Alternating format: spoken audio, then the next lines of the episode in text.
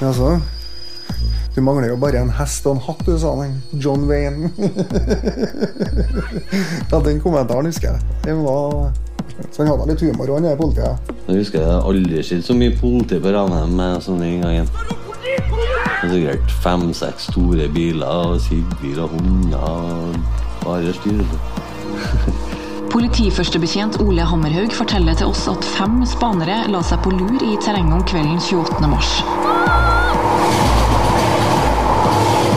Ikke før var toget stansa før ni ungdommer myldra frem fra krottet og sprang mot toget.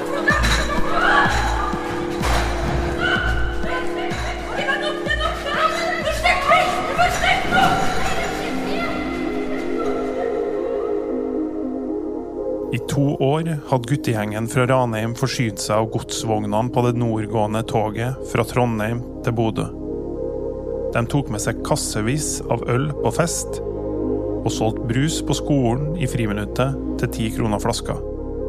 Men så en dag i mars 1995 ble det brått slutt. Jeg husker et sånn glimt, i hvert fall. Da var vi ganske mange. Var vi. Det her er Thomas. Og toget kom jo i sånn ca. åttetida som vanlig, det. Så stoppa det her, men så begynte folk å bli litt sånn mistenksomme, for det sto her så veldig lenge. Det sto her sånn ti minutter, kvarter og Men vi bare tenkte ikke så mye over det, husker jeg. Så vi heiv nå bare ut kassene og sånn likevel. Kom, jeg, da, var jeg, en annen- da sto ikke jeg og venta på dette, men jeg hørte at toget stoppa, så sprang jeg til jernbanen. husker jeg. Det her er Oliver. Og Da så jeg kompisene mine sto og var, var de i gang de, på jernbanen der. Det var bare å springe ned og hive seg med. da. Vi holdt jo på ganske lenge, og det var jo snakk om eh, Det var ikke snakk om 10 000, det var snakk om eh, mange hundre tusen i varer. Og det her er Roy. Og de har jo da irritert seg over lengre tid, for de har jo sikkert visst det over lengre tid, vil jeg tro. Så vi var jo litt, var jo litt oppse den, den uka eller 14 dagene før. Fulgte litt ekstra med. Så Og jeg jeg og en til som eh, var på skoletur gjennom eh, Jeg var på Vassfjellet, og den dagen var ikke jeg med. Og da var vi slitne den dagen, så eh, jeg sa det dagen før at dere kommer, kommer til å bli tatt, sa han. De trodde jo ikke på det. Så. Ja, vi hadde vært oppe på Sjatreffen og styrt, og stressa oss nedover til klokka var åtte. Der er Morten. Og Sjatreff, som Morten snakker om her, er den ungdomsklubben som vi brukte å dra på da vi var yngre, når vi gikk på ungdomsskolen. Og eh, vi lå jo oppe i skråninga. Det var jo, det var jo et kick som bare det. vet du. Og når toget kom, det hørte vi jo når det begynte å bremse, og om det kom til å bremse. I tillegg så så vi jo signalet om det kom til bare å kjøre forbi. Så når vi hørte det kom, og det, vi lå oppi skråninga bak buskene, og det sklei sakte, men sikkert forbi, og det var jo et bra kick. Det var jo det. Og når det stoppa, så spratt vi jo ned. da. Hoppa opp og lempa ut og styra.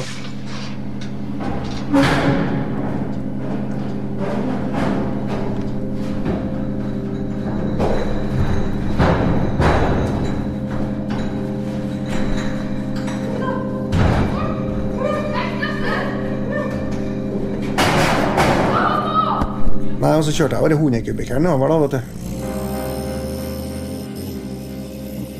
Og den hadde de jo observert, og jeg sto jo oppi vogna, og den ene spaneren hadde bestemt seg for at deg skal jeg ta. Så han hadde pekt ut meg, da.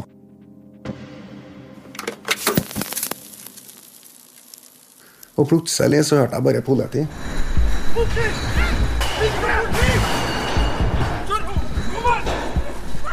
Og hoppa ned og, og sprang rett inn i politiet der, da. Og plutselig så var det politi overalt. vet du. Uniformert og med hunder og sivilpoliti og Ja, da smalt det, altså.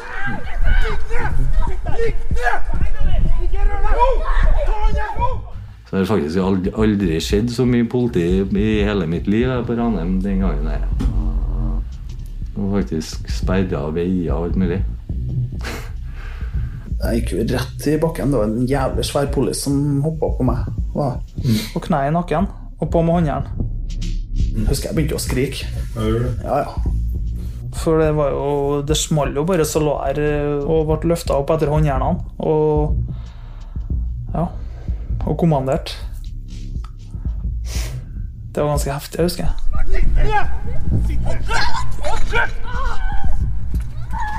Og da begynner jeg å legge på spring. Jeg og en annen kompis vi kom oss helt ned til fotballbanen på Ranheim.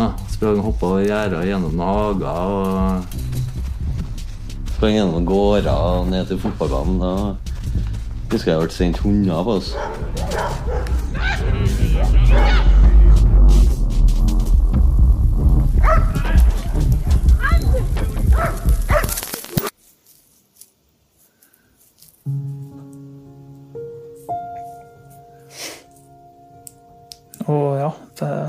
Flere, når jeg zooma meg litt og så rundt meg, så så jeg jo flere av kompisene mine som lå her på bakken med håndjern på ryggen.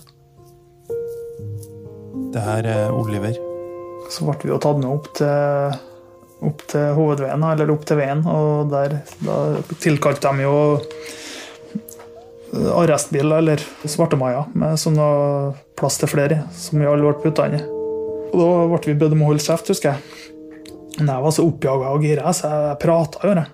Ikke noe om det som hadde skjedd, men jeg bare sa, sa et eller annet til han Sina. Og, og da ble de forbanna og ropa. Og nå måtte Ja, men jeg klarte ikke å, å holde kjeft. Jeg, jeg, snakka bare, fordi jeg var litt sjokkert og prega. Og da stoppa de biler og kom baki og satte seg imellom. Og det var nesten så man følte at de Nå var det rett før man ble tatt av dage, på en måte. Ja. Så jeg husker veldig godt vi satt i baksetet på den svarte maja på vei inn til, arresten, politikammeret i sentrum. Så stoppa vi på rødt lys nede med Lammeparken. Rett siden bussholdeplassen her, og da så jeg en lærer fra ungdomsskolen gjøre, som sto og venta på bussen her. Og dagen etter, jeg, for da var jeg på skolen, så traff jeg på han læreren. Da var det snakk om det der, og de visste det var oss. Så sa jeg til han at jeg hadde sittet i den politibilen og sett han gjennom gitteret. Sto og venta på bussen akkurat der. Da husker jeg han Han sa ingenting, men han, han ga meg et sånt blikk som, som jeg ikke glemmer. altså. Ja, Han tenkte vel ikke så mye over den politibilen som stoppa rett siden av seg på rødt lys i går kveld. Han Han hadde vel kanskje heller sett for seg at det var folk på hans alder som satt inni der og kikka ut på andre. Så får han fortalt dagen etter at det er faktisk et 13 år gammelt lite barn som han er lærer for. Ja. Det husker jeg godt. Hvordan var, var det første møtet ditt med politiet? Nei, det, det var ikke det. Det var første gang jeg ble pågrepet. Sånn som det der. Med håndjern og lagt i bakken med kne på nakken. Det. Som hvilken som helst kriminell bankraner, drapsmann, skal jeg si. Hele Ranheimsgjengen ble deretter frakta til Trondheim politikammer. Der ble de tatt hånd om av arrestvakta. Husker jeg kom inn her, så han sto han arrestvakta her og kikka på meg. Så sa han bare Nei, så få av han eh, ungen her håndjernene, da. Da sto jeg og grein, husker jeg. Den dagen vi ble tatt, Det er eh, Thomas. Det var den eh, faktisk mest eh, intense gangen vi gjorde det, syns jeg. da. Det var i hvert fall spennende, synes jeg, for å prøve å komme seg unna politiet og alt sånt der. Det var og en annen kamerat som kom oss lengst, da. Og når vi kom opp, da, så hadde jeg hatt på meg frakk. ja, den tida her. Og Morten. Malbro Classic-frakk. Frakk. Og uh, hundekubikker. Så vi passerer passere den sida. Hvem sin er det der, da? Men på, i politibilen på vei nedover så måtte jeg jo innrømme at det var min. Altså, du mangler jo bare en hest og en hatt, du, sa han. John Wayne. ja, den kommentaren husker jeg. Var... Så han hadde litt humor, han der politiet. Men det var vel ikke mye stolte foreldre som kom til politistasjonen og henta barna sine den kvelden her, nei. Var det ikke? Nei, altså, det var jo kjipt. Jeg tenker på moderen. Jeg mista jo faren min i bilulykke da jeg var 10-11 år. Så har jeg to eldre brødre. og Morsan har jo vært ei, god mor og ei tøff dame.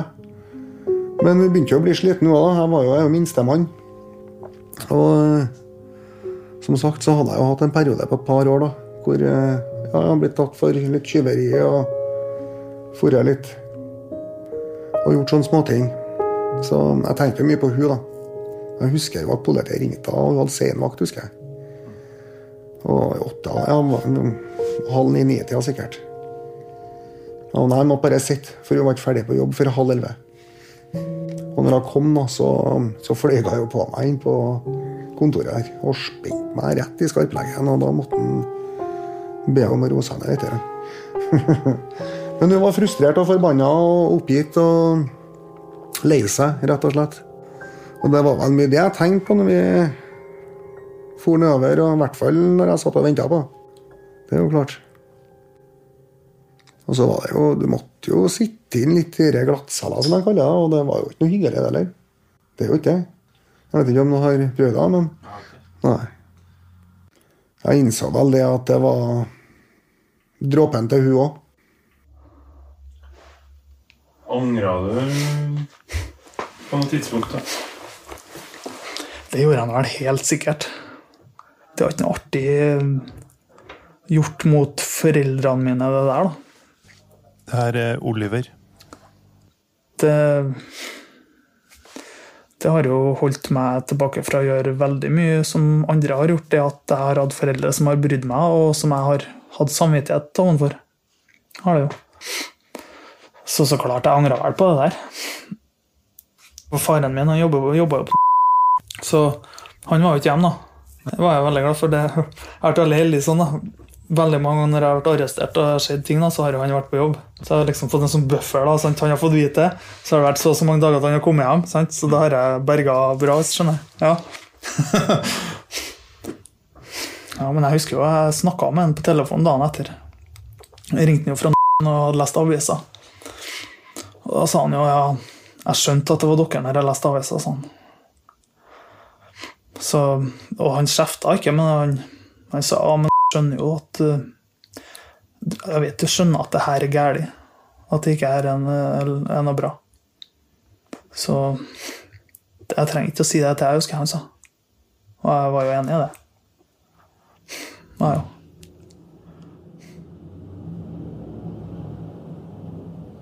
Men vi ble jo satt på celle helt til foreldrene våre kom og hente oss. Men mine foreldre kom ikke og henta meg.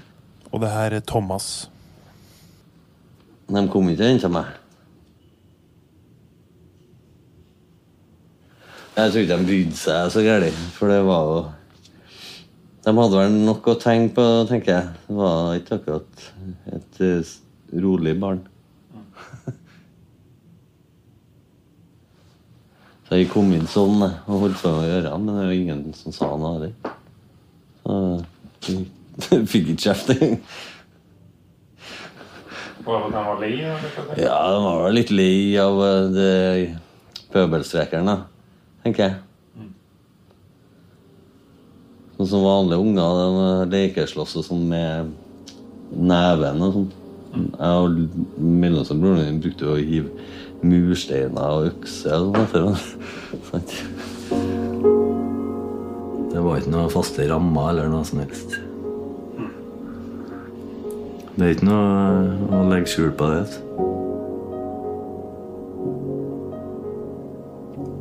Etter glattcella, tida etter den, Ja. hva skjedde da? Jeg fikk jo ikke noen konsekvenser for oss. Sant? Og det ble jo ikke noe mer å finne på for oss på Ranheim av den grunn. Vi ikke fikk kjeft, da bare gjør hva han ville. da. Da Thomas og resten av gjengen ble tatt av politiet, ble det et vendepunkt for flere av guttene. Men ikke for Thomas, som fortsatte et liv med kriminalitet. Lillebror Roy gir oss et lite innblikk i det harde livet Thomas har levd opp igjennom. Thomas har jo da tatt overdose flere ganger. Eh, Han har sittet inne i mange år. Så bodde jo Thomas på gata. Han eh, veide jo 60 kilo. Og bodde på gata og tok flere overdoser. Det var vel etter han satte inn Han, eh, han slutta så å si med det. Men da jeg traff Thomas sommeren 2018, så var han svært tynn igjen, og veide sikkert knappe 60 kilo. Han sa ikke noe om det da, men det var åpenbart at han hadde begynt på stoff igjen. Noen uker seinere så ville jeg gjøre et nytt intervju med Thomas, Det er telefonsvareren til 9. men jeg fikk ikke tak i den på telefonen. Jeg prøvde å ringe han flere ganger. Jeg ble bekymra. telefonsvareren til 9. Det her var ulikt Thomas. Verken eh, Oliver eller lillebror Roy ante noen ting om hvor det var blitt av en. Thomas var sporløst forsvunnet. En måned senere så ringte Oliver. Han hadde nyheter om Thomas. Hei, Martin. Hvordan er det? Jo, det er julestrid. Ja. Hva er nytt om eh, Thomas, da? Jeg har nå fått lokalisert han, da. Hvor eh, er noe- det er politiet som har tatt den. Ja. Hva er det som har skjedd, da? Jeg- Nei, det vet jeg ikke. Men det er, noe, det er bra, det, skal jeg si. Ja. At det er dem som har den. Ja. Ja, ikke dumt, det, ikke. Få den litt på avstand og ja. Nei, men det er bra. Så klarna opp litt i hodet. Mm. Du har ikke snakka noe med han? Nei, men han sitter nå inne, vet du. På den dommen sin. Ja. Det var broren jeg spurte til slutt jeg, du, om han visste hvor Thomas var. Ja, så Thomas hadde nå ringt til mora. da.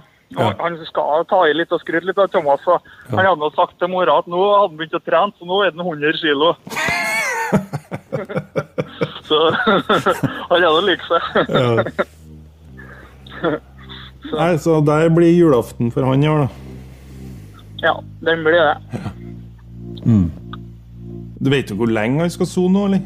Det er i hvert fall åtte måneder, men jeg lurer faen meg på om han ikke sa ett og et halvt år. altså. Kan kan ta imot besøk, da? Vet du Du, vet du, Der sa, sa han at du skulle ha vært og besøkt den vet du, og tatt opptak. Det, det, var, det var jævlig lurt, Martin. Det må du gjøre, altså. Ja. Ja, snakkes vi. Gjør det. Ha det. Ha det.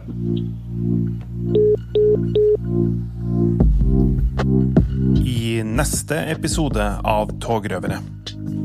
Så spente jeg en politimann i magen, ja. så sprang jeg ham med baseballbat i fjor sommer.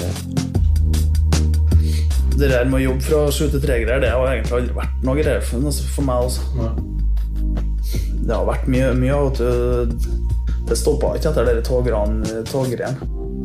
Togrøvere er produsert av Walter Bross i samarbeid med Spettfilm for Aftenposten.